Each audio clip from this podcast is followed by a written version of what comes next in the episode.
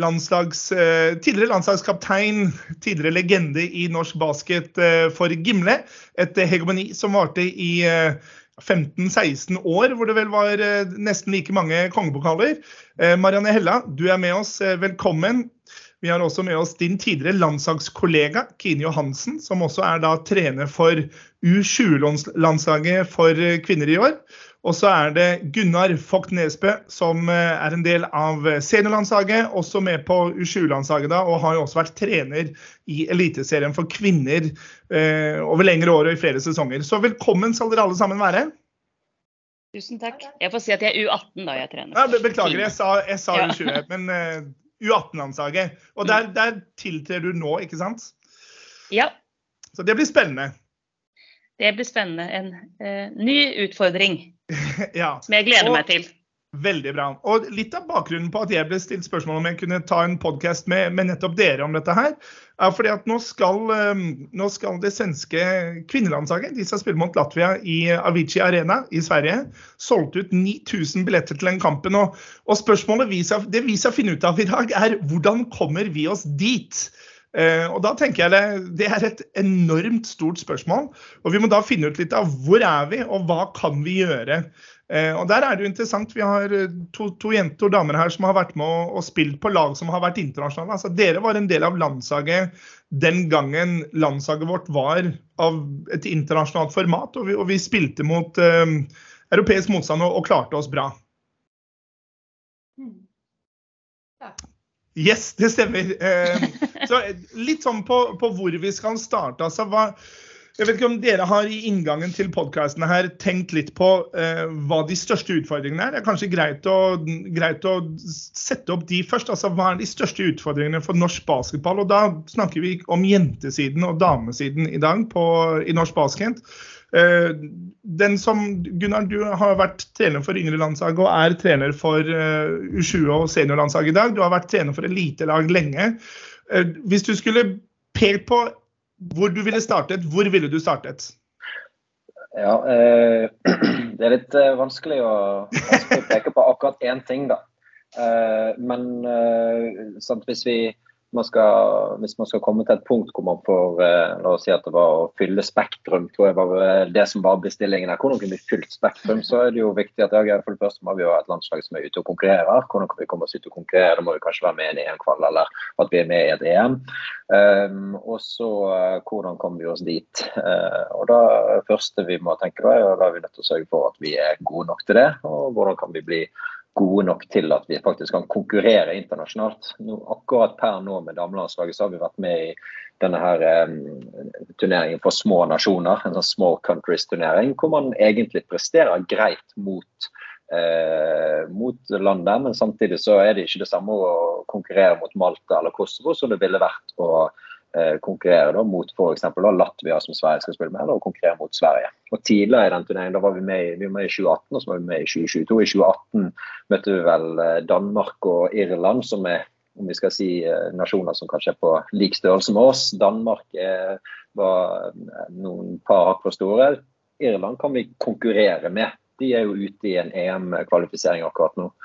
Um, og så er det jo noe med det at ja, hvorfor er ikke vi ute i eh, EM-kvall akkurat nå?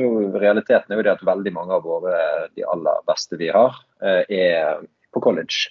Så vi har veldig mange college-spillere, og da ville man jo måtte basere seg mye, mye mer på å spille i den hjemlige serien. Og da er vi kanskje litt over på en annen ting igjen, som går på ja, greit, i hvilken grad har vi en liga hvor man får trent nok og får utviklet seg nok eh, til å kunne konkurrere med, mot internasjonal motstand.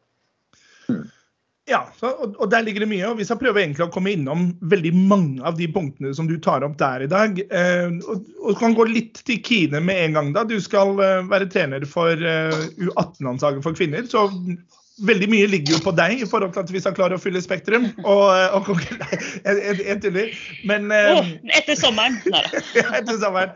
Men slags, altså, hvordan går du inn i den rollen i forhold til hva, hva har vi å konkurrere med, hva konkurrerer vi mot, og, og hvordan kan vi bygge dette for å ta steg? Ja, jeg, jeg, har jo tenkt en del på det. Jeg tenkte hva skal jeg bidra med? For å legge til bo, jeg er jo i Sverige og har bodd i Sverige i 20 år. Så jeg har jo mm halve livet mitt vært i Norge, norsk basket, og halve livet vært i svensk basket. Og da jeg prøvd å tenke hva gjør Sverige, da, som ikke vi gjør, og, eller Norge gjør, det kan jo Én ting som jeg har sett, det er jo det Gunnar sa om det at vi må konkurrere, vi må spille kamper. Og Sverige har jo siden 90-tallet hatt den, sin landslagstrapp der de sender ut ungdomslandslag hvert år. og De spiller kamper på U15, U16, U18, U20 nå. da. Så at eh, det finnes jo, det er jo veldig veldig mange spillere som har gått gjennom den landslagstrappen, som egentlig aldri blitt toppspillere, men de har fått mulighet. og jeg tenker at Vi må ha veldig mange spillere gjennom for å få fram tvillingene Eldrebring f.eks., eller eh, de store stjernene, eller Amanda Saui f.eks. Ja. Og, og, og, Gunnar var inne på det, vi har ganske mange jenter som spiller college-basket nå. Eh, som jo eh, som er positivt for, for deres utvikling. Eh, Marianne, du var jo en del av et av de mest dominerende eh, lagene vi har hatt i norsk basket. Og um, for Gimle, jeg jobber i Gimle i dag, og jeg var jo yngre og, og så på dere og pleide å føre statistikk på dine kamper.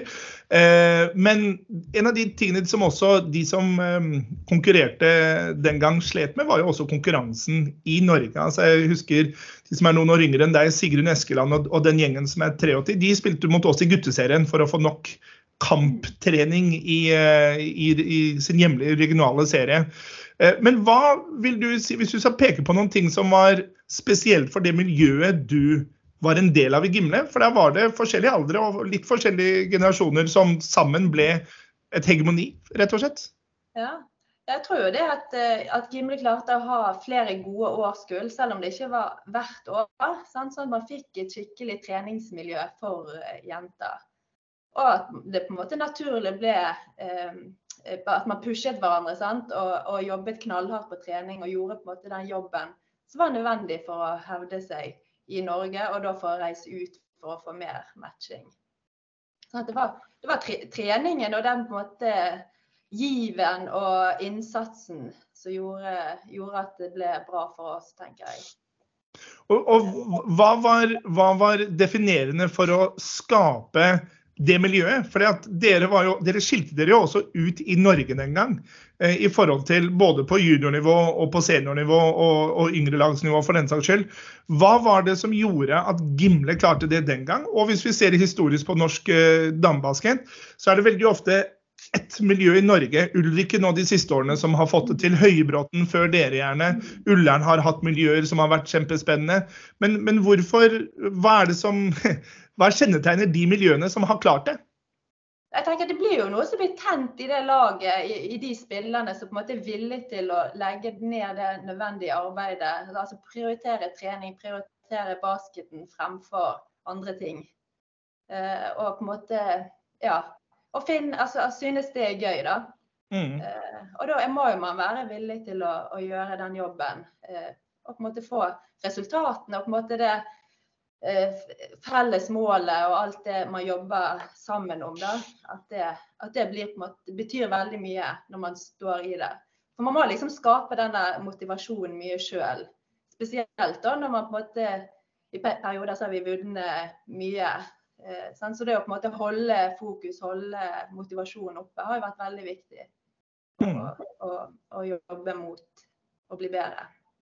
Mm. Og Gunnar, du, du, rekker fingeren i været, for du, du, har lyst til å si noe her? Ja, nei, fordi jeg satt, tenker på det laget som Marianne spilte på da. Dere hadde vel på et eller annet tidspunkt hvor dere vant 87 kamper på rad eller noe sånt. Mm. Eh, og da er det noe med Agert, hvordan holder man motivasjonen oppe? Det var jo sikkert haugevis av kamper hvor dere vant med både 100 og sikkert mer enn det poeng også. Fikk jo, hvis jeg ikke husker helt feil, fikk man jo ganske mye tyn, tyn for det også på den tiden. Men eh, hva er det du liksom, altså at du sier at legge ned det arbeidet, så syns jeg det er interessant. For eh, begge dere har egentlig spilt på landslag hvor man faktisk har prestert. Jeg lurer på om i 2005 var vel en, en dobbel ekstraomgang uten å komme unna å komme til A-puljen i EM. I 2008 var det vel at man vant sølv i nordisk. Så da har man jo vært der oppe og nikket, egentlig. Prestert veldig godt. Men, men hva er det som er den eh, Du sier legge ned arbeid som trengs. Hva er det som trengs? Man må jo bare trene. Jeg, jeg, spilte jo, jeg, spilte i Norge når Gimle var uslåelig, og det var en veldig motor fordi eh, for oss andre også å ville slå Gimle. Så jeg tenker det er jo viktig å ha jeg tenker litt som Ulrikken her i dag, ha de lagene som man vil slå, da, som man har noen å konkurrere mot. Eh, og jeg syns at det gjøres mye bra arbeid i dag i Ulrikke f.eks. Men det er jo det å skape den der vinnende kulturen og bygge opp det systematisk over tid. Og ha noen som forstår hva det innebærer. innebærer. Og det er jo det det er litt vanskelig å finne de personene. Og, og, mitt spørsmål her er eh, litt i forhold til at Ulriken har klart det de siste ti årene. og Der er mye bygget opp rundt eh, og Ingvild Sanford, som har gjort en kjempejobb og skapt et miljø rundt sin eldste datter Karen. Og så ser vi også at det, det skaper miljøer nedover også i Ulriken. Eh, som har gjort at de har hatt rekruttering. Og man kommer inn i Jeg er veldig opptatt ofte av å snakke om kultur. Man kommer inn i en kultur hvor det er trening står sterkt. Altså for Marianne sier at um, man må jo bare trene, og det er jo på en måte det er den enkleste medisinen. Men hvis det hadde vært så enkelt, så burde jo alle ha fått det til. Uh, og det har jo sånn sett historisk vært få som har fått det til. Så hvis vi prøver å finne eh, likhetene mellom de kulturene, de gruppene, de miljøene som har fått det til, så altså hvordan, hvordan fikk dere til i Gimle, Marianne? til en treningskultur. For jeg husker den godt. Jeg vokste opp i, i Gimlehallen og, og bodde jo oppe i hallen sammen med Audun Eskeland. Men damene på Gimle sitt elitelag var der minst like mye som oss. Ja, sånn. Og det er jo det, sånn som du sier med kultur. Sant? Og det å få, altså være en stabil stamme, på en måte ha spillere over tid, tenker jeg er jo på en måte avgjørende. Og så blir på en måte nye spillere rekruttert inn i den kulturen og på en måte få ta del i, i miljøet på den måten. Så man kommer liksom inn i det, og så blir man drevet videre eh, i treningsarbeidet. Men startet den rundt din generasjon, Marianne, i Gimle? Kom du inn ja, i den kulturen, eller var ja, du en kultursetter? Ja, ja. Når jeg begynte i Gimle, det var vel på ungdomsskolen, så var vi vel faktisk tre 77 lag som på en måte startet. Så vi startet faktisk ganske mange, og så er jo naturlig eh, spillere som faller fra. Sånn at vi ble jo på en måte til slutt et juniorlag, eller tidligere eh, et godt lag. da. Sånn at eh, man må på en måte ha bredde, man må være mange for å på en måte ha eh, Altså finne hvem som skal satse på dette her. Sånn.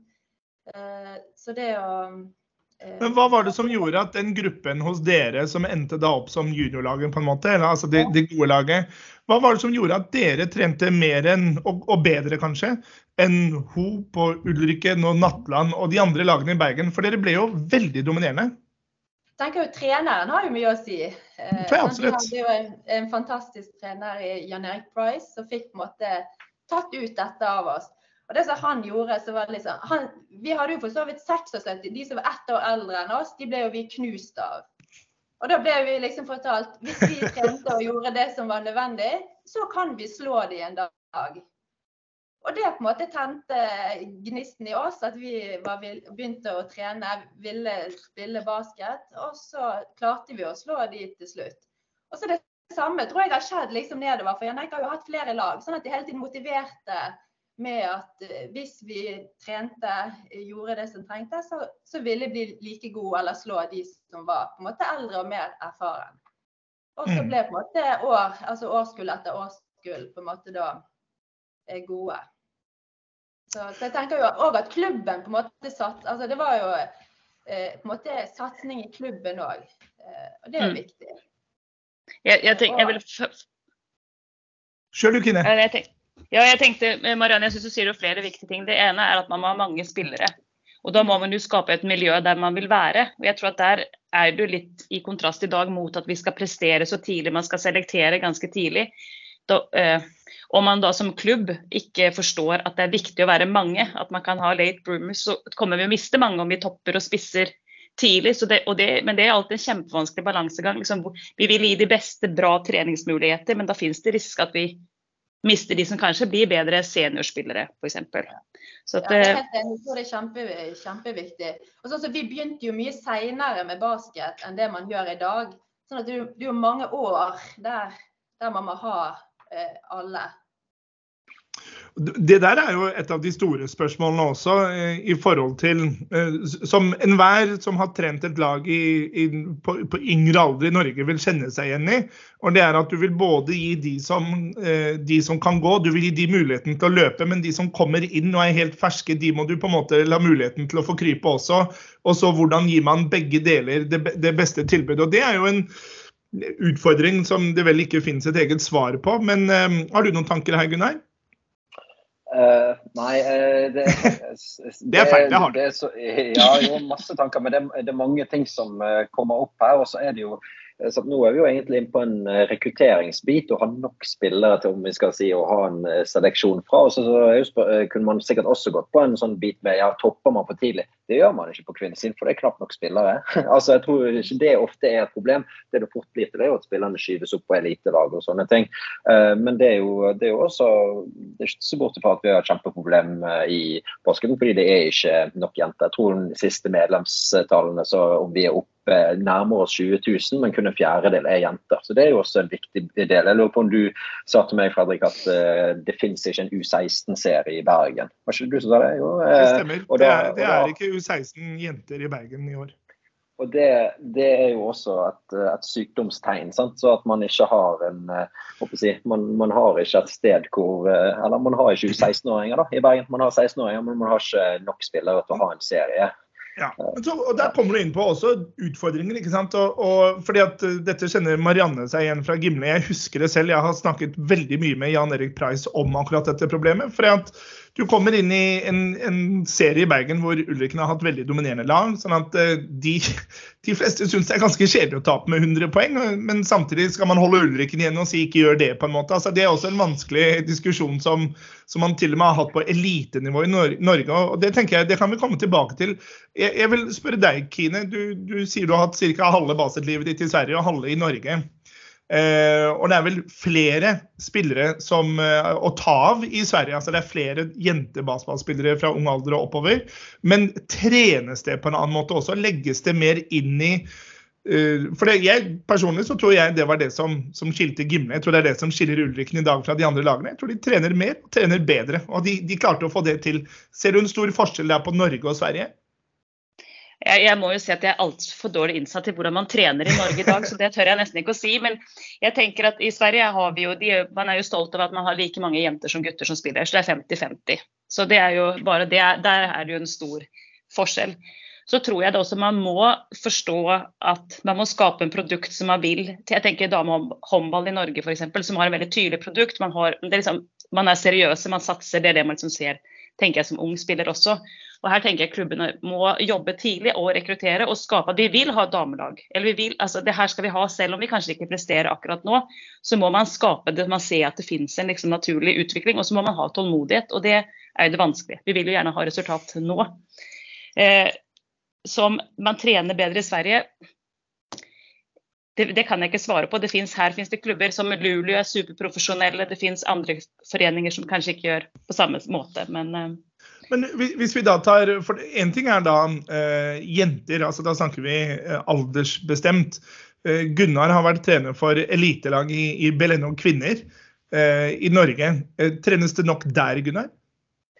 Det jeg vil si at hvis, hvis det, vår problemstilling her i dag er hvordan kan vi fylle Spektrum? Eh, og hvordan kan vi Ja, men det er jo det det er snakk om, sant. Eh, det er vår parallelt parallell til fylle Avicii. Og komme oss dit. Så er svaret Og hvis vi da skal basere oss på spillere i hjemlig liga, så tror jeg det er eh, ikke nok. Det er bare en påstand. Eh, men bakgrunnen for det er nok at jeg tror Ulriken er unntaket fra regelen eh, når de trener fire ganger i uken.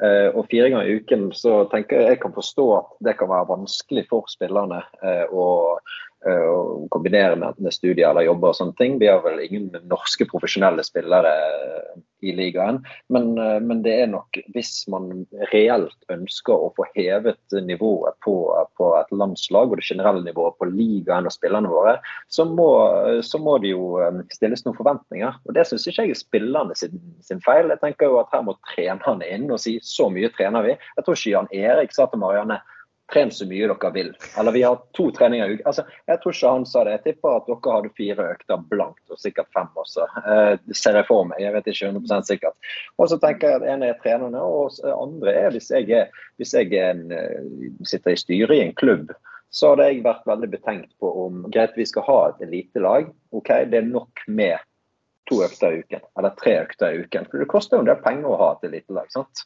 Um, da ville jeg, vil jeg tenkt, hvis man ikke får um, altså Det må være en input og en output her. Får vi mye igjen for å ha det laget her? Vi trener tre ganger i uken eh, bruker x antall hundre tusen, kunne vi brukt det på rekruttering istedenfor. Fordi da er vi liksom tilbake inn på det hjulet. Hva skal man, eh, hva skal man gjøre? Og så tenker jeg også at ja, Forbundet burde kanskje også kunne sette krav hvis vi skal lage øverste nivå i Norge. Det må være så profesjonelt at vi krever den treningsmengden.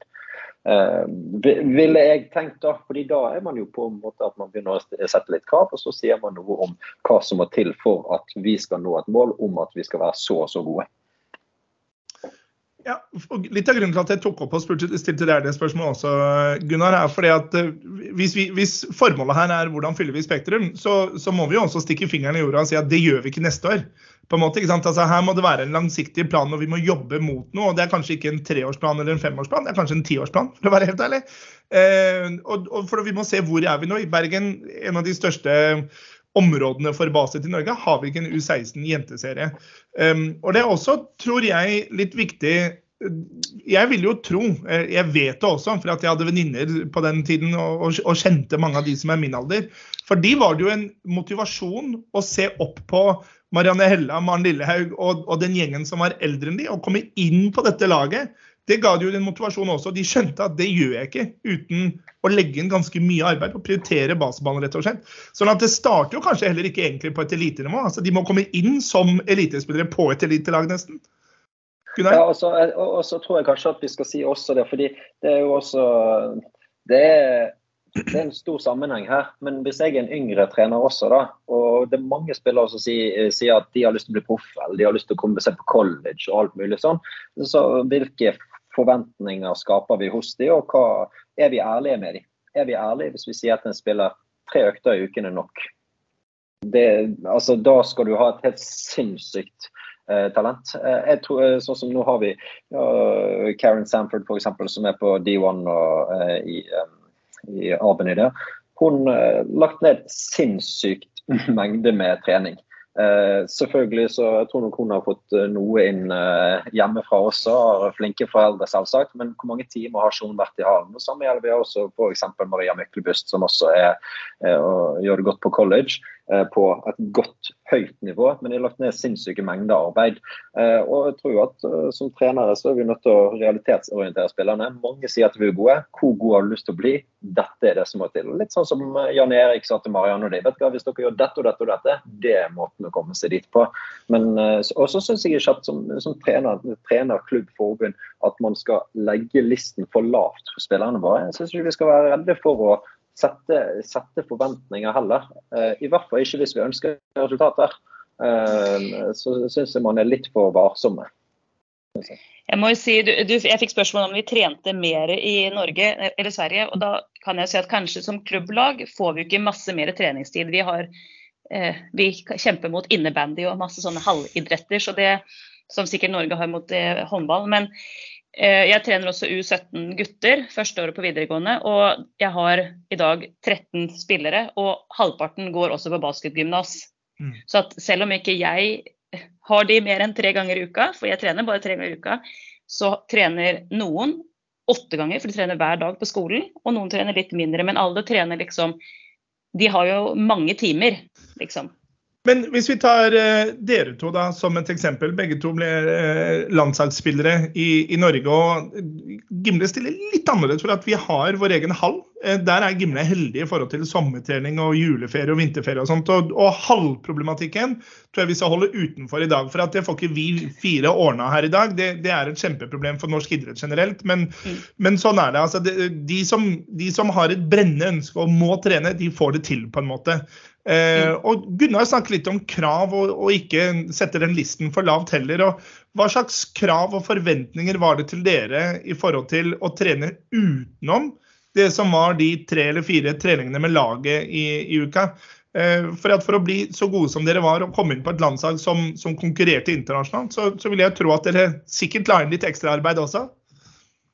Ja, for vår det, så tror jeg det var kanskje litt ulikt der hvordan eh, de forskjellige spillerne gjorde det. Men Eh, det var nok ikke alle som trente mye ekstra, men mange gjorde det. Sant? Det var ut og løpe, og det var styrke og det var skyting utenom lagtreningene. Så, så det var på en måte en ekstra innsats. På den tiden var det ikke noe basketgymnas eller, eller sånne tilbud, eh, dessverre. Men ja, absolutt rom til å trene andre ting for å bli bedre i basket. Mm jeg tror at det var en viss satsing. Du er 77, Marianne, jeg er 79. Jeg mm. tror at det var en satsing omtrent der på ungdomslandslag. Så det var jo også et krav fra forbundet. Husker, det Kanskje det var kretslag, jeg husker ikke. Men eh, vi fikk i hvert fall treningsplan. Altså, jeg tenker Det var en forventning fra forbundet at man skulle trene om man skulle mm. være med. Og så tror jeg at det finnes et indre driv. Jeg gikk ikke på basket, men jeg gikk på idrettslinje, så jeg fikk jo masse trening der. Jeg spilte på juniorlag, jeg spilte samtidig på damelaget. så man og det var jo som man fant, fant Ville man trene, så kunne man, kunne man mm. finne en hall, i hvert fall. Mm. Eh, så at det er vel jeg tror, det er det her som er vanskelig når man snakker om ungdoms... Det er jo, mye er så et indre driv, så vi kan skape masse mm. forutsetninger. Men om ikke den personen forstår hva det krever, så kan jeg ville å se det så mye hos en spiller. Men om ikke den personen forstår at du må legge ned her, liksom. Ja, jeg trener tre dager i uka, men jeg trener også det her. Det ser ikke du, liksom. Så jeg tror at um, det må komme fra spilleren selv. Ja. Uh, og, og, som jeg var inne på tidligere, så, så, for meg så er det helt tydelig, hvis man ser på uh, jeg var innom det tidligere, ser på norsk uh, kvinnebasket, så har det vært noen miljøer som har skapt det. Og det vi må kunne få til for å ta et steg opp på et nasjonalt nivå, det er jo å få flere slike miljøer. er og, og, da er man sårbar hvis det er en, den gitte treneren man er avhengig av. altså en Jan Erik Price i Gimle, som jeg kjenner godt. Eh, Sanfordsene i Ulriken, som har vært med å skape med mange andre ressurser rundt seg også i Ulriken. la det være sant. Um, men, men, da er det veldig, da er man avhengig av at den klassen har den faren eller moren eller, eh, som kan ta tak i det. Er det noe systematisk vi kan gjøre fra norsk basket sin side for å legge mer til rette for for den type, å skape den type miljøer. fordi vi er jo tror jeg, avhengig av at ikke det er et Ulriken-lag, og så kommer det et Gimle-lag, og så er det et Høybråten-lag, og så er det et Ullern-lag. Men at, at, det, at, de kan konkurrere mot hverandre. Dette ser vi på både jente- og guttesiden også at det er et problem i. F.eks. Scania. Vi er ikke vant til å spille mot den type motstand i Norge. For det er ofte ett og, ett og to lag som er de gode, på en måte. Hvordan legger vi til rette for å skape de miljøene mange flere steder? Man trenger jo flere ressurspersoner. Sant? Man trenger flere på banen uansett, på en måte. Sant? Og så er det jo tøft for klubbene som har både dame- og herrelag, og da har nok ressurser til mm. å gå til både dame- og herresiden. For det krever så mye. Eh, og så er det få som har gjerne mm. Og så, Og så lurer jeg på også, fordi eh, Spørsmålet er jo også ja, er det nok trenere i Norge. Det tror jeg svaret helt enkelt. Alle bør være enige om at det er nei. Og så er spørsmålet videre fra det er det nok gode trenere i Norge. Og det er jo sannsynligvis også nei. Sant? For vi kan alltid ha flere bedre, eh, gode trenere. Og så er også neste spørsmålet av de bedre trenerne, hvor mange er det som trekkes mot kvinnesiden? Hvor mange er det som trekkes mot eh, herresiden? Det budsjett. jeg er riktig person til å svare på det, men, men hva er det som gjør det eventuelt attraktivt? Og hvordan kan man eventuelt stimulere til å få gode trenere til å velge jentesiden? Men ja, nå har Kine noen tanker. Ja, ja, jeg, jeg, har tenkt på det, eller ikke. Jeg vet ikke om det egentlig er på det resonnementet. Jeg tror det finnes flere tråder her å ta i. Eh, jeg har skrevet igjen på min lille lapp sånn her før, 'fake it to make it'. Jeg tror at det som Sverige har gjort de siste årene, at de har liksom fronte dame og herre like mye. Man må liksom strategisk liksom, De har like mye plass i sosiale medier. Det er ikke liksom sånn at det, oi, nå er det en damekamp. Det er liksom profiler. Man skaper den her blesten rundt noen ting da, som, som gjør det. Og man, i og med at man har den landslagstrappen, så utdanner man jo Nå har man jo gått over til coachteam i Sverige. Man har fire coacher per ungdomslag. Eh, og man har ikke en utpeket eh, headcoach, man er liksom coachteam. Og da får man jo veldig mange flere coacher da, som kanskje blir i Sverige eh, istedenfor å reise ut eller og, sånn. Så da tenker jeg man kan jo jobbe på mange flere nivåer. Og der ser man jo også at man har fått inn flere damecoacher da, på damesiden i hvert fall. For man har jobbet med rekruttering av flere coacher. Og igjen, hvis man ser tilbake på, holdt jeg på å si, de store navnene i, eh, i trenere i Norge, Gunnar, Mathias Eckhoff, Bård Stoller, Audun Eskeland f.eks. Alle de har vært involvert også i um, både landslag og Berenov kvinnelag. Gunnar Nesbø. Altså vi, uh, sånn at det, det, har jo vært en interesse, virker det som, fra trenere der. Der, der er jo det interessant å litt å nevne en, en, noe jeg er veldig glad i, den islandske modellen, hvor de har veldig fokus på gode trenere i ung alder. Uh, den norske modellen er jo mer foreldretreneren, og da er man, som jeg var litt inne på i stad, da er man litt mer prisgitt at det er en far eller mor som, som tilfeldigvis eh, har en eh, sønn eller datter i klasse 1B, og så kan starte opp et basketlag, på en måte? Uh, og så er det jo også jeg tenker jo en, en annen ting som, uh, som man fint kan, kan dra i den retningen, er jo sant, vi, vi, er heldige at at Kine er med som eh, coach på U18-landslaget. Og så er det jo også inn Toris, eh, Tori Halvorsen skal inn på U16-landslaget. Stine Austgulen har vært inne i den miksen også. Så er det jo en satsing fra forbundet om eh, ikke bare at man skal ha kvinnelige trenere, men man skal ha dyktige kvinnelige trenere inn. Og det er jo også noe med å skape gode forbilder der. Jeg syns at forbundet gjør en, en veldig god jobb eh, for tiden med å få inn dyktige kvinnelige trenere inn på kvinnesiden. Og der også, miljøer som vi har snakket om, berømme Ulriken der. For eh, det har jeg sett som er involvert i bergensbasketen i mange år. De, yngre, nei, de spillerne på elitelaget til Ulriken, veldig flinke til å trene yngre lag, både gutter og jenter. Men de brukes mye som trenere. og, og vi var innom eh, Durell Sanford og Jan Erik Price. Jeg tror ikke nødvendigvis det må være en, en kvinne som skal få opp eh, grupper av, av, jenter. Og jeg var på Gimle basket fylte 50 år i, i, fjor. Der var jeg på et veldig hyggelig festlig lag med bl.a. Marianne Hella og, og, mange av de andre fra Gimle kvinnebasets storhetstid, og snakket en del med de om hva, hva må man gjøre. Og gjennomgående så var et av tingene jeg fikk vite fra, fra dere som jeg snakket med, om at Still de samme kravene til jenter. Eh, sett krav og forvent av dem. For der også har jeg en følelse av at vi, og nå sier jeg vi menn, av og til kan være litt forsiktige når det gjelder jenter. Eh, tror dere det kan stemme? Altså, jeg, jeg kjenner Jan Erik Price, jeg tror ikke han var så forsiktig. Nei, Jeg kjenner meg veldig igjen i den. altså At det der med klare forventninger, tydelige mål, altså, og at det er felles, på en måte, det ja, er viktig. Ikke undervurdere jentene. Jeg tror, tror, dere det er en utfordring vi har i, i norsk basket? Ja, oh, det er en vanskelig, det synes jeg er et vanskelig spørsmål. for det, eh, Jeg trener jo både gutter og jenter. skal Jeg si i dag. Jeg trener gutter U17 og jenter 09. Eh, og jeg tenker litt at det kommer med hvilken Jeg forventer jo samme av mine jenter som jeg gjør av mine gutter. Men samtidig kanskje jeg jeg er dame selv, har spilt på en viss nivå og forventer Jeg vil at folk skal forvente noe av meg, jeg like mye som jeg forventer noe av andre. Så jeg tenker at jeg tror jeg er litt dårlig å svare på det, for jeg syns liksom at At det er eh, naturlig? Ja, og jeg tenker at man jeg, skal si, jeg er oppvokst med en familie der både mamma og pappa spiller basket. altså Det har vært naturlig for meg at både kjønnene holder på, liksom. Eh, så at jeg tror absolutt man må sette krav, like mye som at damene eller jentene må forvente å få samme ting tilbake. Jeg tenker at jeg har alltid lagt ned like mye tid som mannen min, som også spiller basket. Men han fikk jo lønn, det har jo aldri jeg fått. Liksom, for for 20 år siden fikk man ikke lønn for å spille. Det er det jeg mener også, det må finnes, det må finnes et dame- og et herrelandslag. Det må finnes ungdomslandslag på dame- og herresiden. Må, man må føle seg likeverdig, tenker jeg. Det er viktig. Eh, men eh, jeg vet ikke om det var svar på spørsmålet, at vi blir behandlet forskjellig. Det er vel om man får for lite spillere. Det, det, si, det, var, det, var, et slags inntrykk jeg har selv, på bakgrunn av hva jeg ble litt fortalt også på, på denne Gimlefesten, om at du var veldig tydelig på still krav, krev. fordi at det virket ja. for meg som at det også var et inntrykk fra, fra Gimle-damene om at det, det hadde de et inntrykk av at det ikke stemte helt, kanskje.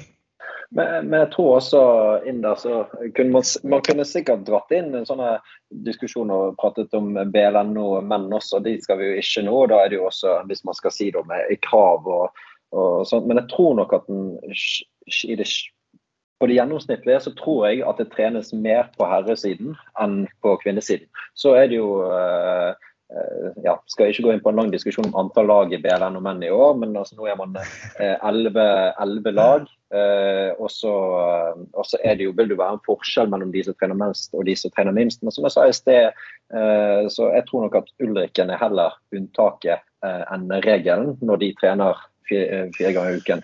Eh, og da er jo også spørsmålet, stiller man de samme, er, det, er, man for redd for å stille krav i de andre klubbene, eller er det sånn at man bare enkelt og greit ikke har ressurser til det? Altså, det er jo ikke godt å si. Men jeg tror nok, for min del så er det nok et generelt inntrykk at det trenes mindre på et BLN- og kvinnelag enn på et BLN- mennlag. Og, og, da er du innom egentlig også et litt sånn interessant tema som til dels kan være vanskelig å snakke om, eh, om Gunnar. fordi at um, som du var innom her, De fleste som spiller baseball i Norge, om det er herre- eller kvinnesiden, de jobber eller studerer, har familie osv. Så, videre. så Så de prioriterer base ganske mye, både i forhold til å reise bort i helger osv. Men hvis vi skal se for oss og være ærlige med oss selv og si at vi skal nå vi skal spille internasjonale kamper, det, og vi skal være på et nivå som kreves for at det skal kunne fylles Oslo Spektrum. Da må det vel også være innafor å si at skal du spille elitebasket, så, så, betyr det noe å være en elitespiller i form av hva legger man inn. Altså Trener du to-tre ganger i uka, og da bryr jeg meg ikke om du er en kvinne eller mann, så er du på mange måter ikke på et elitenivå. Ja, men også er det sånn, og nå blir det eh, fokus blir nå over på spillerne. Dette er ikke spillerne sin feil. Dette er jo klubber. Dette er trenere. Dette er forbund. Så burde sette noen retningslinjer, for dette her er det som kreves hvis du skal være med på dette. Og det gjelder på kvinnesiden, det gjelder også på herresiden. Eh, sånn at man nå, ja, Jeg skal ikke gå inn på hvor mange lag man er på i BLN og menn, men altså, man, hadde man stilt skikkelig krav der, så hadde man kanskje vært, eh, vært færre der også. Men, jeg, men jeg, jeg tror jo det at hvis hvis klubben hadde sagt som policy vet du hva, vi skal faktisk bruke x antall 100 000 på dette her, da er dette kravene vi stiller, eh, til spillergruppen. Eh, eller en trener sier ja, dette her er reglene for å være med på vårt lag. og det er helt sikker på at Burell gjør med Ulriken. Jeg er 100% sikker på at det er klare tydelige forventninger. og jeg er helt sikker på at det var klare tydelige forventninger av Jan Erik Price. Det er jo en fellesnevner. Det, det, er ikke sikkert at det er den eneste grunnen til at de to miljøene var, hadde suksess, men jeg tror nok at det også spiller inn. da. Men nå var du litt i gang her, Marianne. Ja, altså, ja, altså så er det noe med hvor mange spillere er man, på en måte. Mm. Hvor mange har man Altså, hvor, ja, hvor stort er miljøet? Eh, mm. det, er jo, det, er jo, en veldig stor diskusjon, dette og mange ting som spiller inn. Sant? Det er jo det som gjør det så vanskelig å kunne gjøre noe med det. Mm. Og, og, Jeg mente ikke å avbryte det, da, men, men, dette er akkurat fordi eh, med det som jeg sier der, så vil jo det altså, umiddelbare motargumentet være ja, hvis vi stiller de kravene, så har ikke vi lag. Mm. Uh, og nå er det vel på det syv, syv, lag på kvinnesiden vår. Uh, åtte i fjor, Høybråten tok seg så nummer syv. Uh, og så skal ikke Jeg tror også at det er viktig at vi har nok lag og kunne, kan spille mot hverandre. Det er kjempeviktig. Men også så er det noe med greit, hvordan får vi hevet et nivå? Man bruker jo penger på dette. og eventuelt, og Jeg sier ikke at dette er løsningen, men greit, hvis du har en klubb som ser at greit, vi, kan, vi har, det koster 400 000 for eksempel, på et BLN- og kvinnelag og vi har spillere som trener tre ganger i uken, vil de pengene være bedre forvaltet på rekruttering per år? 400 000, Da har du to 50 %-stillinger med folk som kan jobbe med rekruttering av jenter. Er det en bedre investering over tid? Du mister damelaget ditt. Er det en bedre investering over tid? Jeg sier ikke om det er ja eller nei, men eh, det er en spennende tanke å ha i, i hodet samtidig. Jeg syns det er en veldig spennende tanke. Gjerne høre Kine hva, hva du tenker. Ja, nei, men jeg jeg tenker eh, samme egentlig. Jeg tenker både, jeg tenker som, som, du sier Gunnar, at jeg tror også kanskje forbundet må ha en tydelig visjon. At de sier at det her vi, vi vil fylle Spektrum da, om ti år. Og så må alle være med på dugnaden og hjelpe til dit. Man må skape, da må man si, da må vi satse på landslag, da, så vi har noe, noe vi, et mål. For jeg tenker, spiller jeg dameligaen og sier nei, det er ikke jeg kanskje kan være med på landslaget om jeg ikke vil flytte og spille på college f.eks. Nei, nei, det får jeg ikke. Nei, men da kan jeg trene to ganger i uka. Da rekker jeg å ta utdannelse samtidig, for det får jeg. Altså, men noen steder må man jo skape en, en, ambisjon, en ønske om å være noe annet sted. og vi skal liksom, For å komme dit så må du legge inn den ekstra treningen. Men om det ikke finnes noe for meg å streve mot som spiller, så er det jo ikke Hvorfor skal jeg da putte inn den tid og kraft som du behøver, da? Eh, jeg får to tanker i hodet, så jeg prøver å ta en av de om gangen. Eh, hvor viktig er Beleno kvinner eh, som en motiverende faktor for jenter, tror dere? Altså for å heve det norske nivået på, på kvinnesiden, hvor viktig er Belene og kvinner? Og, og hvordan fungerer det i dag? Nå, nå, er jo jeg helt feil person å si noe om det her, for jeg har jo ikke sett det. Jeg, men jeg tenker mer generelt, at, for det her er jo alltid en debatt. Det er det samme i Sverige. Vi, eh, jeg spiller i Uppsala, vi, vårt lag har gått opp og ned i dameligaen, og vi har holdt på at man liksom, Skal man satse på de, eller skal man ikke? Men et sted er det viktig å si at man har noen man ser opp til, noen man strever mot. Men blir nivået for dårlig, så er det jo, da blir det jo ikke noe man liksom kanskje blir stolt av, som Marianne sier, vi ville se 76 lag, eller oi, eller man kan komme inn på laget og spille med de beste. At det liksom er ett mål. Men føler man da at ikke det finnes noe mål å strekkes etter, så er det vanskeligere. Eh, så ja. For Du toucher jo litt inn på akkurat det der, fordi det er jo noe med nivået på flere av lagene, og ikke alle. Eh, du kan ikke være en middelmådig eh, si 16-17-18-årig spiller og komme inn på Ulriken, men det vil nok gjelde med enkelte av de andre lagene, som sliter med antall spillere. til og med. Mm. Ulriken, knallgodt lag. Eh, de var det i fjor. Eh, og er knallgode i år også og har en treningskultur. Det er ikke bare for hvem som helst å spasere inn på trening der og være konkurransedyktig, men det vil nok være i større grad på, på en, i, en, del andre klubber. Da. Eh, så da er det kanskje litt sånn at det, eh, det, det, er mer Det er nesten en at hvis du er 16 år, så begynner du å være oppe og nikke for å komme deg inn på et damelag. Og det er jo litt trist at, da liksom, at du da liksom er nesten ved målet. Mm. Og så går du inn i et damelag, og så er det inn i et damelag hvor man da, potensielt trener to til tre ganger i uken. Mm. Så, eh, så, er ikke det et steg opp heller. Det er litt vanskelig. Det er, i og med at det ikke er noe, Jeg sier ikke at man må ha penger for ting, men eh, jo, man krever jo tid. og noen steder så må man jo skape Jeg tenkte på også en del eh, Søsteren min spiller også basket, da, Anette Johansen, og hun spilte jo i 08 Stockholm, og de spilte Eurocup. f.eks. Man er ute og spilte. Jeg vet jo at Ulrikken har vært ute også. Eh, man må jo skape kanskje det, om ikke BLNO er bra nok, så må det finnes en nivå til. Men det må jo, det må jo finnes voksne personer å se opp til, holdt jeg på å si. Eh, ikke bare at det er lagvenninner eh, Ja, U16, det er ikke noe U16-lag for alle spiller på damelaget, liksom. Eh, noen steder må det finnes liksom et noen å konkurrere med. Man må få folk til å holde på lengre, egentlig, kanskje. Men, ja, og det er litt sånn trekke pusten her nå i forhold til det. Men, men jeg har diskutert uh, dette med mange. Gimla hadde jo et uh, lag i Beleno kvinner som vant, og året etterpå så, så trakk vi dessverre laget vårt uh, på bakgrunn av at vi hadde for få spillere. Og, og de få som var igjen, da var det ikke snakk om en elitesatsing. Og hvis vi skulle ha Audun Eskeland som en trener, så, så ville det kreve en elitesatsing for at det skulle være både fra klubben sin side vits å bruke ressurser på han, men også for hans egen del. Og, og han, han syns i og for seg det var veldig gøy å, å, trene en motivert gjeng jenter som han hadde førsteåret sitt særlig.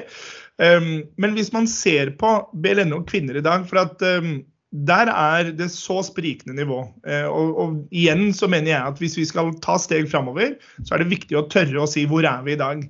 Uh, og her er det da mange klubber som bruker penger på 300 000 sikkert på, på å reise rundt i Norge og spille disse kampene. Marianne Hella, dere også spilte jo Baltisk liga i sin tid. Eh, for Ulriken f.eks. så kunne jo det sikkert vært mer interessant å reise nedover i Europa og spilt eh, seriøse altså kamper mot et høyere nivå. Jeg så kampen de hadde i Haukelandshallen mot dette belgiske laget. De ble knust med 40 poeng, men jeg tror hadde de spilt fem kamper til, så hadde det vært jevne kamper. De var bare ikke vant til å spille på det nivået, syns jeg det virket som for meg. Eh, og da, da, lurer jeg altså på hva får vi igjen, hvordan det er nå. altså Hvis vi skal bygge Beleno kvinner, bør vi bare fortsette som vi har gjort nå i, i 10-15 år, eller bør det ses på å gjøre ting annerledes? Om det er krav til at hvert lag skal ha så og så mange treninger fra forbund, fra trenere etc. Men på en eller annen måte så må vi også løfte det øverste nivået i kvinnebasketball. Jeg tror det blir avgjørende å få et mer, altså, mer jevnere serie det må være flere tøffe kamper. og Sånn som det er i dag, og sånn som det var altså At det er liksom litt sånn lite overraskelser i resultatene. At det er litt de samme resultatene år etter år. Eh, så, så stopper jo det på en måte opp. Eh, ja. ja. og Gimle fikk det i sin tid med Jan Erik. Vi fikk det for noen år siden med Audun Eskeland. Kritikk for å ha slått et annet lag i eliten med for mye poeng. Eh, og Da tenker jeg, da, da syns jeg du starter på feil sted, etter min mening. Det er jo litt, altså, nå har jeg ikke altså, igjen altfor dårlig erfaring med norsk basket de siste 10 årene, 20 årene, men eh, jeg trener jo det ja, Det er alltid debatt overalt. Vi, mitt lag U17-gutta de spiller i en Stockholm-serie. Eh, I fjor spilte vi nivå 1, tapte en del, for vi hadde en rød tråd der vi skulle beholde så mange som mulig så lenge som mulig. og spilte rundt. I år hadde de bestemt at ja, du får ikke spille nivå, ingen lag utenfor Stockholm får spille nivå 1. Og da vinner vi alle kampene våre nå med 50 poeng. Og da er, sånn, da er det jo alltid vanskelig også å Det blir jo vanskelig, for man får ikke spille Jeg forstår jo at det er utrolig vanskelig å beholde motivasjonen for de som spiller. Men også liksom å virkelig få toppet laget, og få spisset laget. For det, når man vinner med 50, kan man jo ikke la de beste spille hele tiden, liksom. Og det skal man jo aldri gjøre, men liksom Eh, det blir jo vanskelig å få den gode konkurransen. Også, også mellom spillerne på laget. da Jeg som tiendespiller trenger egentlig ikke å konkurrere for å bli på starting for at jeg kommer for å spille likevel fordi motstanden er så mm. dårlig, eller er dårligere. Uh, ja. Det der er som sagt, det, det er en utfordring man har i, i alle grupper på, på, i idrett generelt. Det er jo, det, det er jo en, nesten en litt sånn annen diskusjon også, det, så, som jeg tenker vi ikke skal gå helt inn på her. men men det interessante der er jo det, det, du nevnte med konkurransen. For konkurranse er viktig. Det, det er jo, ligger jo i idrettens natur. At når noen tar steg, så vil konkurransen føre til at andre både tar inn og, og til tider går forbi. Det var på et tidspunkt ingen som hadde løpt under ti blank på 100 meter. Nå er det mange som har gjort det for at grenser blir sprengt på en måte. ikke sant? Um, og, og, der ligger man også, Men det vi ikke har sett i norsk kvinnebasket, det er at lag som tar den, at de andre følger i like stor grad etter. Nå er Ulriken litt alene, riktignok. Bærum vant, er reelle norgesmestere. Bærum, så vi skal jo ikke, de er ikke helt alene der oppe, Ulriken. Men, men da var Ja. Så, så, det er flere miljøer som, som jobber bra også. Men hvis man ser på den norske eliteserien, og vi bare fortsetter. jeg tenker Det er en ganske radikal tanke å tenke vi skal komme opp i Europa, på et europeisk toppnivå og fylle Spektrum. Hvis man skal tenke en så radikal tanke, så bør man også tenke noen radikale tanker om hvordan vi skal komme oss dit. For det å bare fortsette som før vil ikke fungere. Gunnar?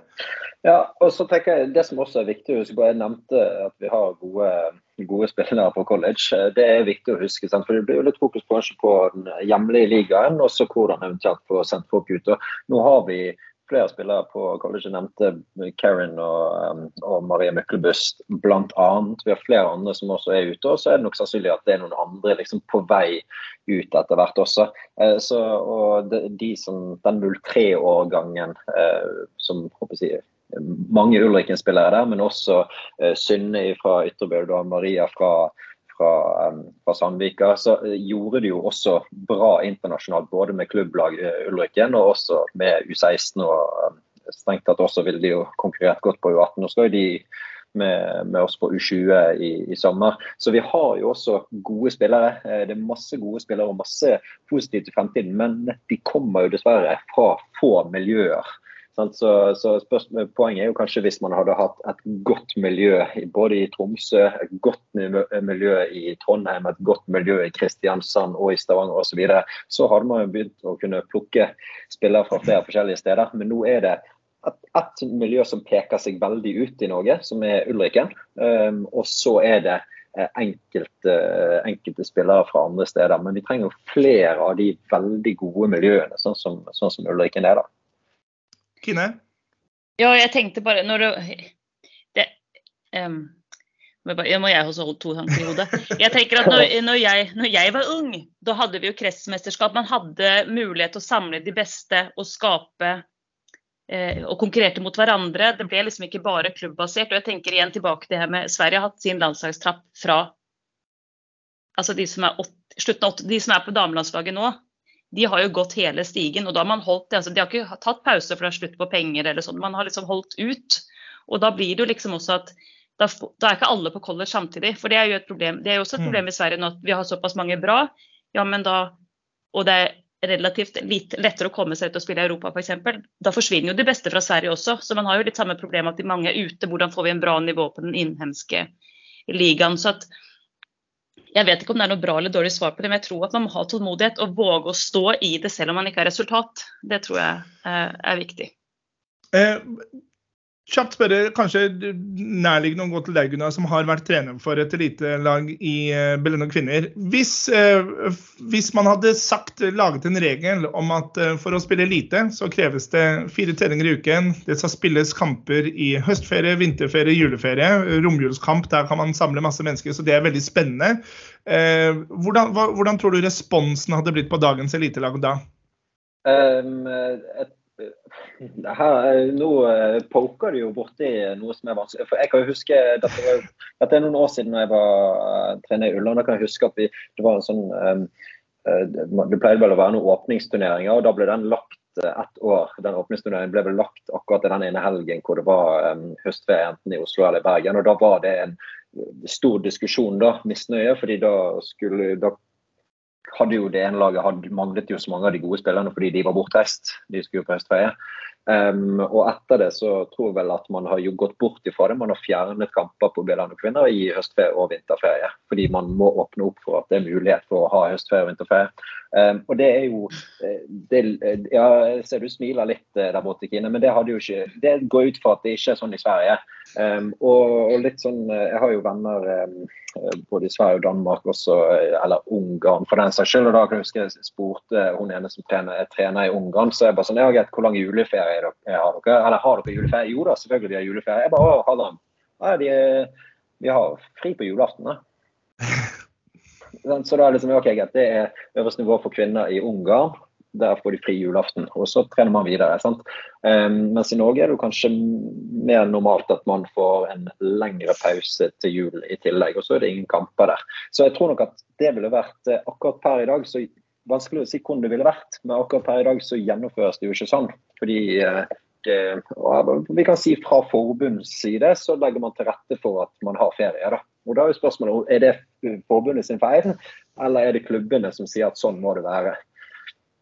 Så slippe til Marianne, bare legge til at uh, Siste året vi hadde et elitelag for kvinner som, som, endte opp med å vinne NM-finalen, så var en av de store utfordringene de sleit med med motivasjonen, var at de spilte kamper, og så var det tre-fire uker til neste kamp. fordi at når det er høstferie f.eks., så, så går det over tre uker med Østlandet og Vestlandet, og det samme med vinterferie.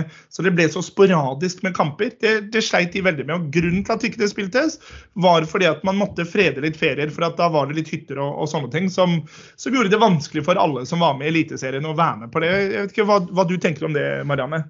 Jeg tenkte litt mer på det Gunnar sa. til Hvis plutselig spillerne hadde fått en forventning eller krav om sånn og sånn nå, så er det, Hvis man hadde begynt med det litt tidligere, hvis det der mm. ligger litt mer i uh, som yngre spiller, at det er forventninger om, om uh, spill, kamper sånn og sånn, og trening, så er det kanskje lettere altså, det Da blir det en kultur? Overgang, ja. med å, å, forvente at nå satser vi. Mm. Så, mm.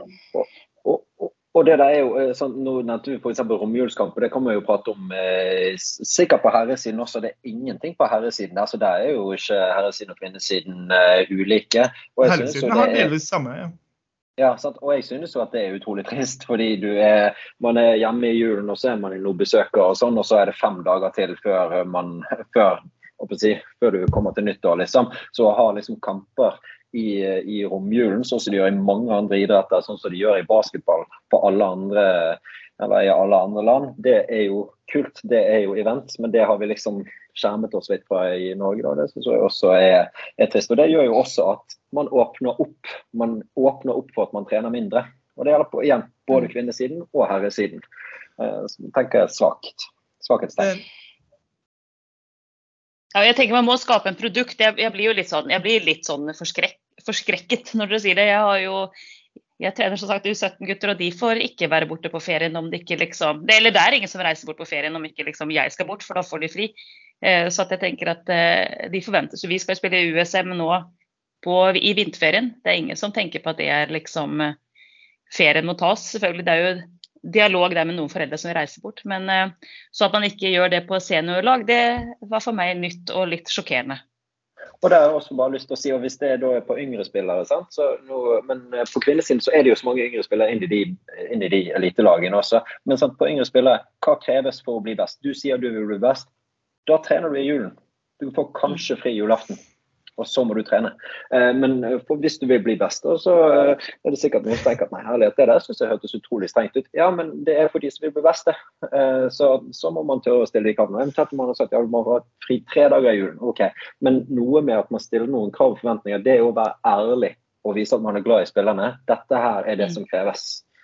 Det, det, er jo litt den der gode gamle spør 20 barn i en halv hvem vil bli profesjonelle basketballspillere, så tar alle hånden i været. ok, Hvem har lyst til å være med og trene morgentreninger tre ganger i uken? Så er det mange hender som går ned, på en måte. Det er lett å si, og, og, så, og så, må man liksom følge opp med handling. Ja? Ja, altså, har jeg egentlig bare Nå, nå dro du inn eh, morgentrening og sånn også, fordi du sa det at ja, greit, vi har et kjempeproblem med halvtid i Norge.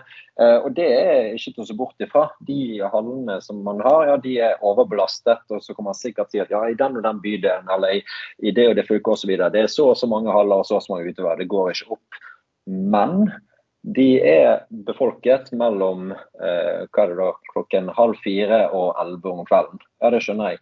Men det er ingen som, ingen som sier at du ikke kan trene mellom seks og åtte om morgenen. Eh, og, og, da kan vi si én ting er på et la oss si et U19-lag eller et U17-lag, ja, men på et elitelag også, så går det helt fint an å trene om morgenen. Man har lite halvtid. Det er ganske vanlig, ja. det er ganske vanlig norsk idrett. Um jeg, jeg syns den er så herlig. Kasper, Karsten Warholm sa det etter at han vant uh, 400 meter hekk i OL. Så, så, tok han seg selv i å si til NRK rett etterpå at jeg har ofret så mye. Nei, nei, vent. Jeg har ikke ofret noen ting. Jeg har prioritert veldig, veldig hardt. Og jeg synes Den er så fin, uh, tenker jeg. For at uh, du, du ofrer ikke hvis du elsker og på en måte som du snakket om i stad, Kine, føler at du må gjøre dette her. Men jeg har et spørsmål til deg også, der, Kine, som, som nå uh, er med og som trener for U18-landslaget. Um, altså, hva, hva, vil det si å konkurrere med landslag? Du snakker om trappen i Sverige. En ting er jo liksom da være med på et uh, nordisk eller et eller annet sånt om sommeren, men hvor mye forberedelser er det fram mot det? Hvor mange turneringer spilles der i løpet av en sesong? Hva, hva må egentlig til der for at det skal være et, et uh, utviklende tilbud også? Eh, men de har jo Før hadde man i regionlag der man går bort i ikke så lenge siden forandret det, men fra U15 så samles man jo i romjulen og trener. Eh, og drar og spiller Baltic Cup eh, ved nyttår. Ikke noe juleferie der, da forventer man å reise over jul og nyttår. Så eh, nå er jeg ikke helt innsatt i hvordan det ligger akkurat der nå, men de pleier å ha samling fra omtrent mai, da, med en oppstartsleir for alle sammen, og så holder det på. Og da blir det jo en gang i halvåret omtrent, og så, så spiller man i USM vi spiller f.eks. Ja, tre omganger, så du får mange konkurranser mot de bedre lagene da, eh, over tid. At, eh, og, og, spiller du fra U15 med landslaget komme med, så blir det jo mange ganger du spiller mot de beste da, og får føle på det. Så, så, det vil være rett og slett utviklende for, eh, for unge spillere å få være med. Eh, og, og, sikkert også, Der kommer du også inn på den som du snakket om i stad, om at um, hvis du ikke får spille så mye, så er du med på landslaget, så har du sikkert en sånn motivasjon for å trene for at neste gang skal jeg, skal jeg spille enda mer. på en måte sant? Mm.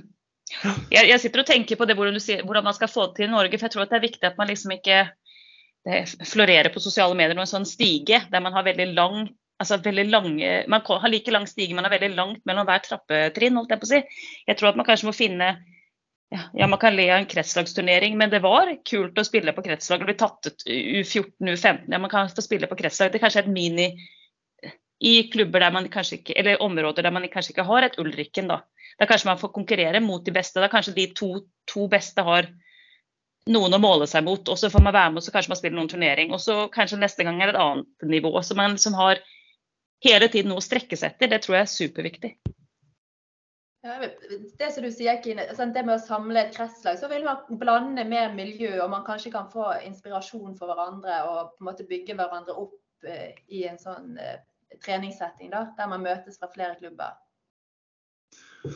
Det, det, er sikkert også kjempeinteressant, for hver klubb har jo eh, I et lite basketballmiljø så har jo hver klubb sitt eget lille eh, miljø også. sånn at man vil jo da kunne dra eh, inspirasjon fra, fra de andre om hvordan andre gjør ting. altså I Bergen så er Gimle bedre på noe, og Hop bedre på noe, og Ulriken bedre på noe. og Samle det litt, så, så får man kanskje bygget et, et mer helhetlig miljø, da, selv om vi er konkurrenter når vi spiller mot hverandre, selvfølgelig.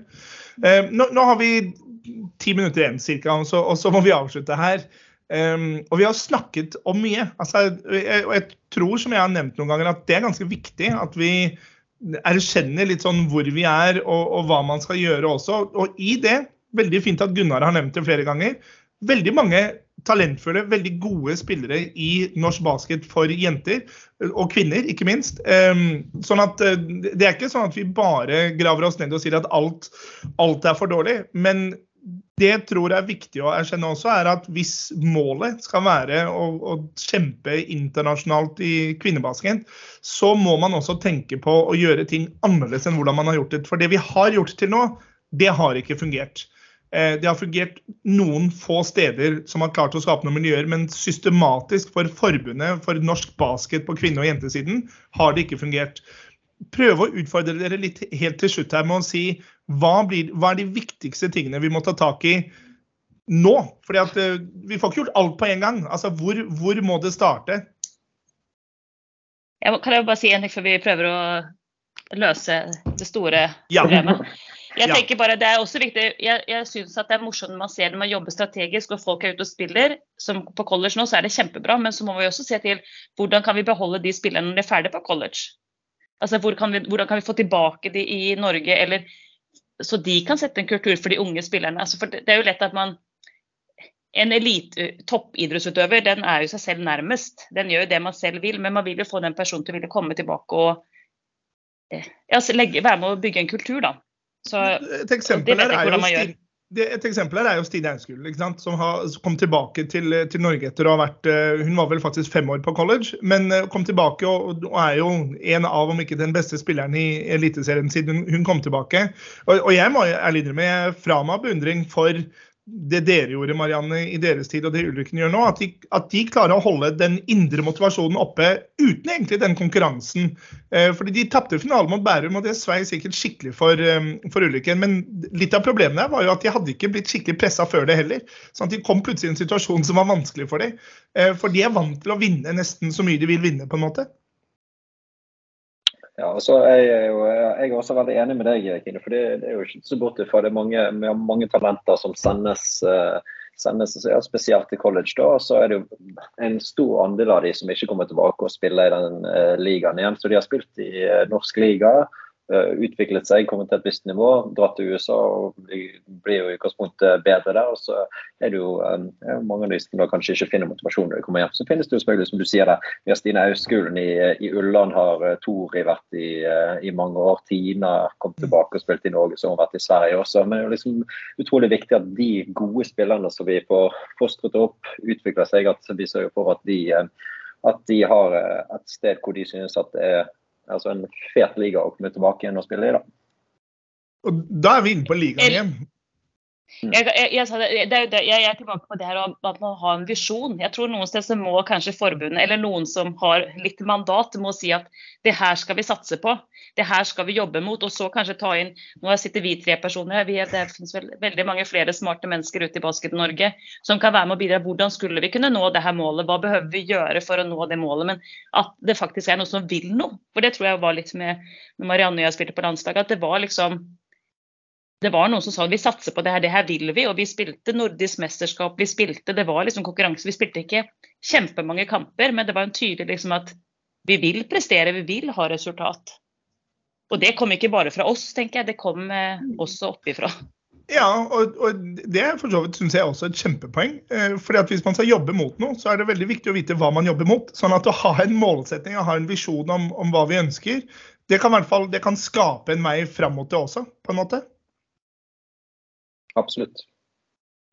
Og så er det jo, så er jo også spørsmålet sant, ja, hvem skal vi liksom sammenligne oss med? Sant? Fordi det er sånn, eh, Vi snakker liksom litt sånn hårete om at vi skal komme oss til Spektrum og fylle der. ok, greit, Men i hvert fall liksom, hvordan kan vi komme oss dit at vi er ute og konkurrerer? Sånn, konkurrerer mot land, og hvem skal vi konkurrere mot? Vi skjønner at vi ikke kan starte med Spania eller USA. Men hvem er det vi kan konkurrere mot? Og ja, greit, Vår nærmeste nabo i Sverige, ja, greit, kan vi konkurrere med de med en gang eventuelt? Hvem andre er det som er naturlige? Sant? Danmark? Island f.eks. Eh, Island er ganske mye mindre enn oss, men, eh, og de har halvparten av utøverne våre. Men likevel, ja, nå er vi tilbake på liga. Vi har to ligaer hvor det trenes fem ganger i uken. I både øverste og neste øverste nivå der. Sant? Så de har jo også fått til noen ting der. Sant? De har veldig mange færre utøvere. Sant? Så noe med byggingen av gode treningsmiljøer for spillere. Der um, gjøres det jo litt annerledes i de landene som vi ønsker å sammenligne oss med. Jeg tenker kanskje man ikke engang trenger å dra så langt. Man kan jo spørre damehåndball, hva gjør de? Liksom som, eh, man trenger ikke å dra ut av landet engang, man kan se på andre lagsporter som har lykkes. Eh, og skape en produkt som ja, står seg, da. Som skaper engasjement. Ja, og så, det, det, er helt riktig. Eh, og, og damehåndball er jo egentlig et ganske godt eksempel også. For eh, vi, vi, som er rundt 40 som jeg er, vi, vi vokste opp med at damehåndball er så svært i Norge. Men det var jo ikke alltid det. Altså, det var jo egentlig noen gærninger som skapte det her i Norge også. Um, og, og, jeg tipper at noe av det som ligger bak den galskapen, var hardt arbeid. vil jeg tro. Um, og, og jeg må ærlig innrømme, jeg sitter og hører litt på dere. Det er noe av det jeg tar med meg ut herfra også, eh, i forhold til samtalen her, er at det må være forventninger. Det må legges til rette for å kunne trene mye, trene hardt og trene skikkelig. Eh, og så ligger dette farlige ordet med krav litt sånn over der også. altså Skal vi tørre å, å, å stille krav? Og hvem skal stille kravene, og, og til hvem skal de stilles? Uh, som er en en diskusjon i seg selv, nesten. Men uh, det er litt det jeg tar herfra nå. Men det er jo også sant, Skal man tørre å stille de kravene? Ja, eh, igjen, eh, det er tilbake. Kine sier det. Greit, her må noen ha en visjon. Hva er det egentlig vi ønsker å oppnå? Og hvis vi ønsker å oppnå at vi skal ut og konkurrere, ja, da må man kanskje stille noen krav. Ja, altså, hvis, vi ha, hvis, vi har et mål, ja, da må vi kanskje finne ut hva som må til for å nå det målet. Da kommer det noen krav med på lasset. Men hvis vi ikke vil ha en visjon, så trenger vi ikke gjøre noen ting. Nei, for Det er galskap å tro at man skal konkurrere internasjonalt uten å legge ned minst det samme arbeidet som de gjør internasjonalt. Det er helt riktig. Ja, med, med, denne visjonen og med disse kravene, så tenker jeg, da vil jo vi skape et felles engasjement. Mm. Og komme, altså, vi må komme videre. Mm, absolutt. Yeah. Så det, det, er en utfordring til, eh, til, ledelsen i jeg vet om det er Norges Baseballforbund eller hvem det er som skal gjøre det, men og for så vidt til hver enkelt klubb også. altså Sette, sette et mål, lag en visjon. Eh, og så, som Gunnar sier, så må man se man, Det er lett å si noe, men er man interessert i å faktisk legge ned det arbeidet som kreves? Mm. Sitter dere inne med noe som dere brenner og har lyst til å, å, ta på tampen her? Vi har jo holdt på en stund allerede.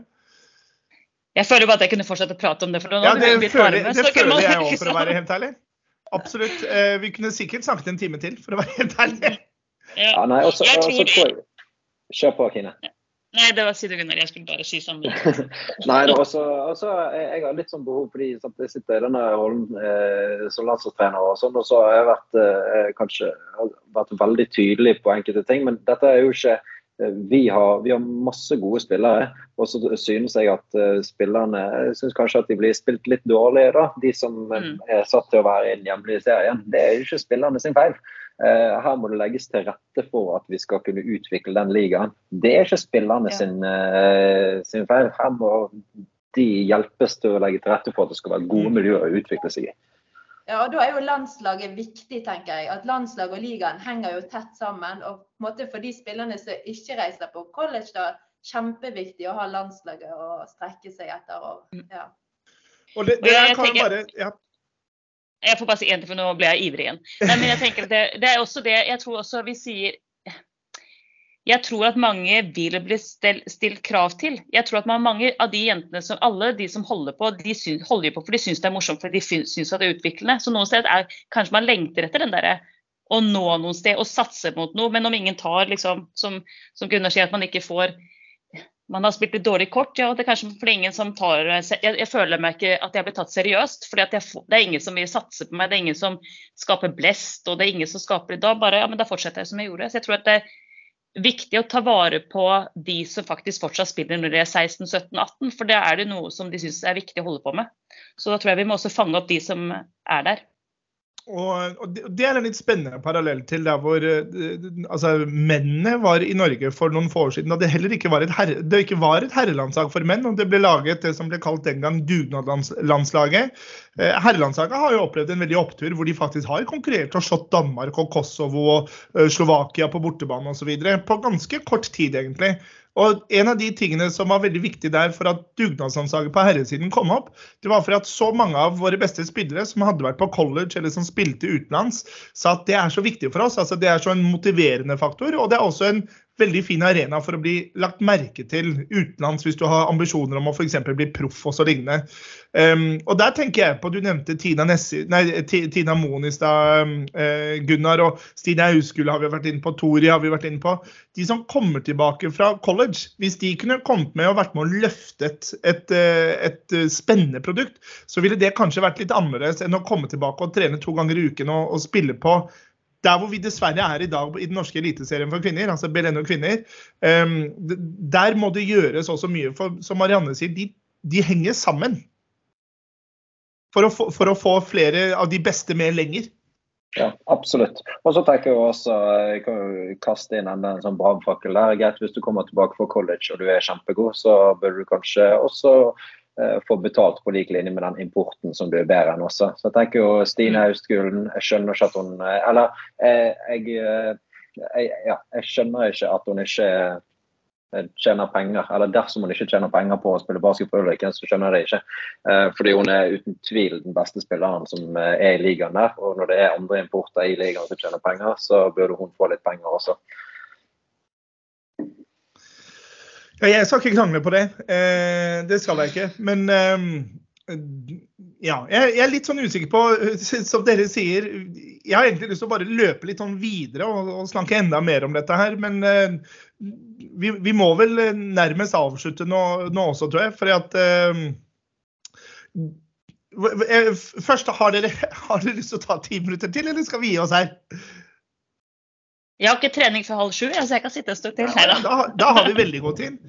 Eh, og så er jo spørsmålet om, om, vi kommer opp med mer eh, som er å snakke om, for vi har vært innom mye. Altså vi, så, så, spørsmålet er om det er mer å snakke om. Jeg, jeg, har jo, jeg kan kaste ut, jeg tar det her nå, da. Så er det et litt radikalt forslag på slutten som vi kan uh, ta en liten diskusjon på før vi gir oss. Jeg har jo uh, snakket med flere og nevnt at hadde det, dette er et radikalt forslag, men hadde det vært uh, nyttig for den norske satsingen på kvinner og suspendert Beleno-kvinner i noen år. altså Hvor man hadde spilt i regionale førstevisjoner istedenfor. Så man hadde spart de pengene som Gunnar snakker om på å reise, og heller brukt de på å bygge miljøer. Eh, I Bergen og på Østlandet så hadde de fått spilt omtrent de samme kvalitetskampene. Da hadde Marianne Hella og, og gjengen i Gimle spilt mot, eh, mot, Ulriken her. Ulriken kunne da brukt sine ressurser på å reise nedover i Europa og spilt hvis de ønsket det. Og så kunne man ha sagt en treårsperiode eller hva det er, for å bygge det opp. Jeg, jeg har litt følelsen av at vi, vi jobber som pokker for å holde hodet over vannet. Eh, og det har vi gjort i mange, mange år. Eh, og, og, så er spørsmålet er det den riktige veien å gå, eller er det Hva tenker dere om den tanken? Altså, det er alltid mye lettere å ta bort enn å skape noe nytt. Altså, det er mye vanskelig å sette, altså, Tar man bort BLNO, så er det jo da ville man hatt et nasjonalt eh, sluttspill, sånn som man også får i Norgesmester og sånt. De, de, beste lagene fra øst og vest og nord hadde mm. måttet spille enten her eller der. Så vi, så vi ville fått et sluttspill uansett, men man kunne brukt ressursene litt annerledes i noen år for å bygge. Det krever jo at man faktisk har en veldig tydelig plan. Altså, det hjelper ikke å bare ta bort BLNO i tre år og håpe at det, det, kommer noen flere. Da må det jo være at det her er noe vi enes om, og det her skal vi bygge på de her. Da må man, et da må man eh, ha konkurranser, da må man tilby konkurransetilfeller eh, på forskjellige nivåer som på forskjellige aldre, tenker jeg. Så det kanskje koster like mye penger, men man kanskje får eh, Jeg tror det er veldig Nei, jeg vet ikke. Jeg er ikke, jeg er ikke helt for ideen. men, og du får ikke meg til å si på en, eh, på en podkast at det der syns jeg var en god idé. fra deg. Ja. Det får ikke du meg til å si, men, eh, men, det er jo interessant med annerledes tanker. For Jeg tror jo at veldig mange av de som sitter i BLNO-klubbene for kvinner, sitter med en samme følelsen som det. Man har holdt lenge bare så vidt holdt hodet over vannet. Man snakker om at vi får færre og det blir færre og færre klubber. Nå er det kun syv i år, og forsvinner det én til, så er det kun seks klubber. For noen år siden igjen var det fire. Om det er hva, ti år siden så var det kun fire klubber i det som da het eh, Kvinneligaen. Men, eh, men det er jo også interessant med greit, hva er det som må til, og hvordan kan man finne en best mulig måte for å utvikle på sikt? For målet burde jo ikke være at eh, vi skal holde hodet over vannet neste sesong, eller at vi skal fylle Spektrum neste sesong. Fordi ingen, altså det er, Vi kan ikke tenke der, men hva, kan må til for at det produktet som vi er veldig glad i, skal bli veldig, veldig bra om noen år? Og, og det er litt av poenget. Nei, og, og, og, det er litt av poenget mitt for å dra svømmemetaforen videre. Altså at Noen ganger når du sliter med å holde hodet over vannet, så må du trekke pusten og samle litt krefter under vann før du kan svømme videre. på en måte. Eh, ta deg et lite dykk og, for å, for å samle, samle, deg selv. Eh, jeg sier ikke nødvendigvis heller at det er riktig det jeg sa i stad, men det er en radikal tanke. Og det er en del av poenget mitt også, at vi bør tenke ganske radikalt. Fordi at hvis vi bare fortsetter i den samme uh, ufortrødne stien som vi går nedover nå, så vil vi tross da, da, er det igjen for meg litt galskap å tro at mye skal endres.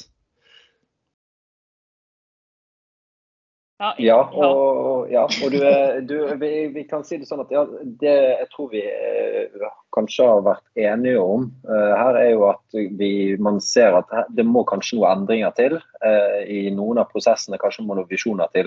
Og da så er spørsmålet hva blir resultatet av eh, noen visjoner og noen tanker om hvor vi vil hen. Om det er det forslaget som du kom med der, eller om det er noen andre måter Det tviler jeg på at det blir, for å være helt ærlig. Eh, det, det, tror ikke jeg heller. Men vi, altså, da, nå tok vi ti minutter til, så da, da, da, fyrer vi løs. Det var derfor jeg tenkte OK, ta, trekker pusten, og så fyrer jeg det ut, og så ser vi hva folk sier. Dere var ikke med på den, eh, og det er helt greit. men Tanken er likevel å tenke helt annerledes.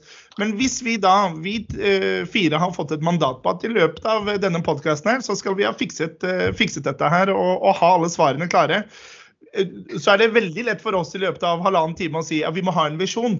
Hva må den visjonen være? Altså, hva er de viktigste punktene da, i den visjonen, hvis vi kan avslutte med det? Vi må, vi må heve det generelle nivået. Og det gjøres ikke på elitenivå. Eh, det tror jeg også vi er enige om at det ikke er mm. lite hvor det, vi starter den utviklingen. Det starter jo her på bunn. Og Vi var innom at det ikke finnes noe U16-lag i Bergen. Helt sykt. Eh, krise. Mens, ja, det er helt krise. Og, men samtidig da, så er det også noe med at de spillerne som kommer opp, de må jo sørge for at her er det noen krav, noen forventninger og et uh, nivå uh, som man kan strekke seg etter. Uh, og da, si, så Alt henger jo sammen her. Men, ja, men eh, nå er det bullet points. Eh, Marianne, hva er det viktigste du skal ta med deg? Én ting inn i visjonen, hva vil du ta med deg? Vi må, vi må jo bli flere. Flere spillere. Og, helt, og, der tror jeg også vi alle sammen er helt enige. Vi må være flere for å, kunne, for å også kunne spisse, rett og slett.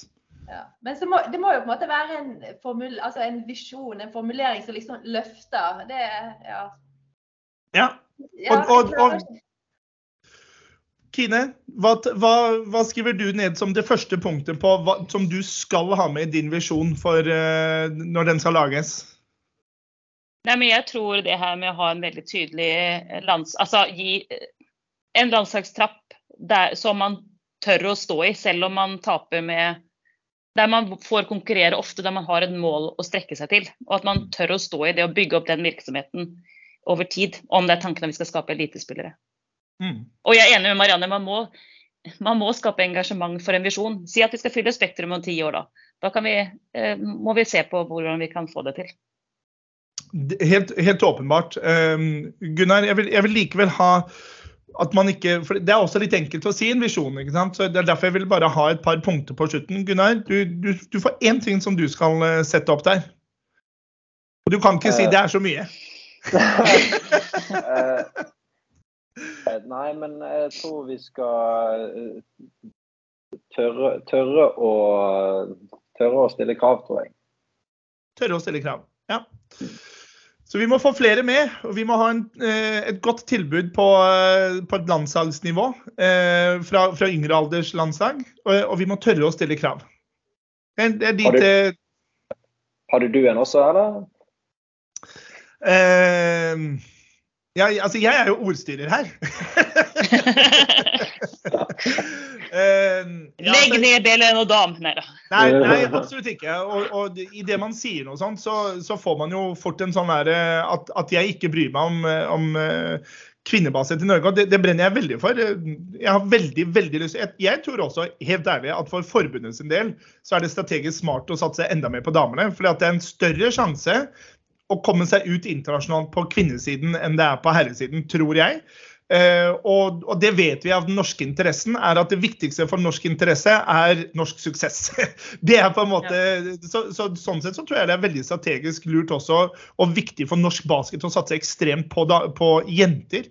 Uh, og, og, det er jo hele min greie her, er at vi må bygge miljøer, og da ligger jo veldig nærtliggende det Gunnar sa. Altså, da, må vi, da, må det være krav, og det, jeg tror det må systematiseres på en måte. Så systematisere krav, sånn at en trener i en hvilket som helst lag kan på en eller annen måte få inn dette er det som forventes av et jenter 11-lag, jenter 13-lag, jenter 15-lag. Eh, fordi at eh, Vi kan godt si at vi skal få fram masse nye, gode, flere coacher, men per i dag så må vi også ta til takke med det man har. og Der er det mange foreldre som ikke har Gunnars eller deres eh, kompetanse som trener. Så vi må gjøre, spille trenerne så god som mulig. Og det, var vel, på så mange ja. stener, det var så vente på så mange stener, så jeg tenkte bare hjernen min begynte å gå igjen. Men vi skal prøve å avslutte, så vi får, vi får ja. Det er så mange deler i det, så det, ja. Ja, det var ikke noen bullet point fra meg der. Det var ganske dårlig. Svakt fra min side. Jeg ser den. Men eh, jeg tenker vi, vi, med det avslutter. Også. Jeg må bare si en ting, ja, Fredrik, før absolutt. du avslutter. For vi har ikke pratet om Høybråten, som kom før Gimle. for de var også jeg har nevnt Høybråten flere eh, ganger. Ja. Men jeg kan si Høybråten var jo liksom stjernelaget som vi så opp til. Hvis vi, mm. sant? vi kan bli like gode som Høybråten hvis vi mm. ja. Jeg har, jeg, har, jeg, må si, jeg har nevnt uh, Høybråten uh, som, uh, som, en av storhets... altså Høybråten, og så kom Gimle, og så var jeg innom både Ullern okay. og, og Ulriken. Så, og Gunnar nevnte Høybråten. Det var litt mer negativt fortegn da han sa det. Men, jeg sa det ikke som en negativ, jeg bare sa at de ikke har lag mer. Jeg, ja da. Altså. Det er en realitet, dessverre. Men, men, først og fremst så vil jeg si tusen takk for at dere tok dere tid. Det endte jo opp med å bli ganske mye tid òg, og vi har fått snakket om mye. Vært borti mye. Og så tror jeg, håper også da at forbundet vil, vil lytte til, til dette og, og, tenke at OK, hvor skal vi sette i gang? Og, og starte med slutten da, og skrive ned bullet pointsene. Ja, det er bra. Det tusen, ta tusen takk for at dere kom og at dere tok dere tid til dette her. Ja, takk. Tusen takk. Ja, Kjetil, da var vi egentlig ferdige.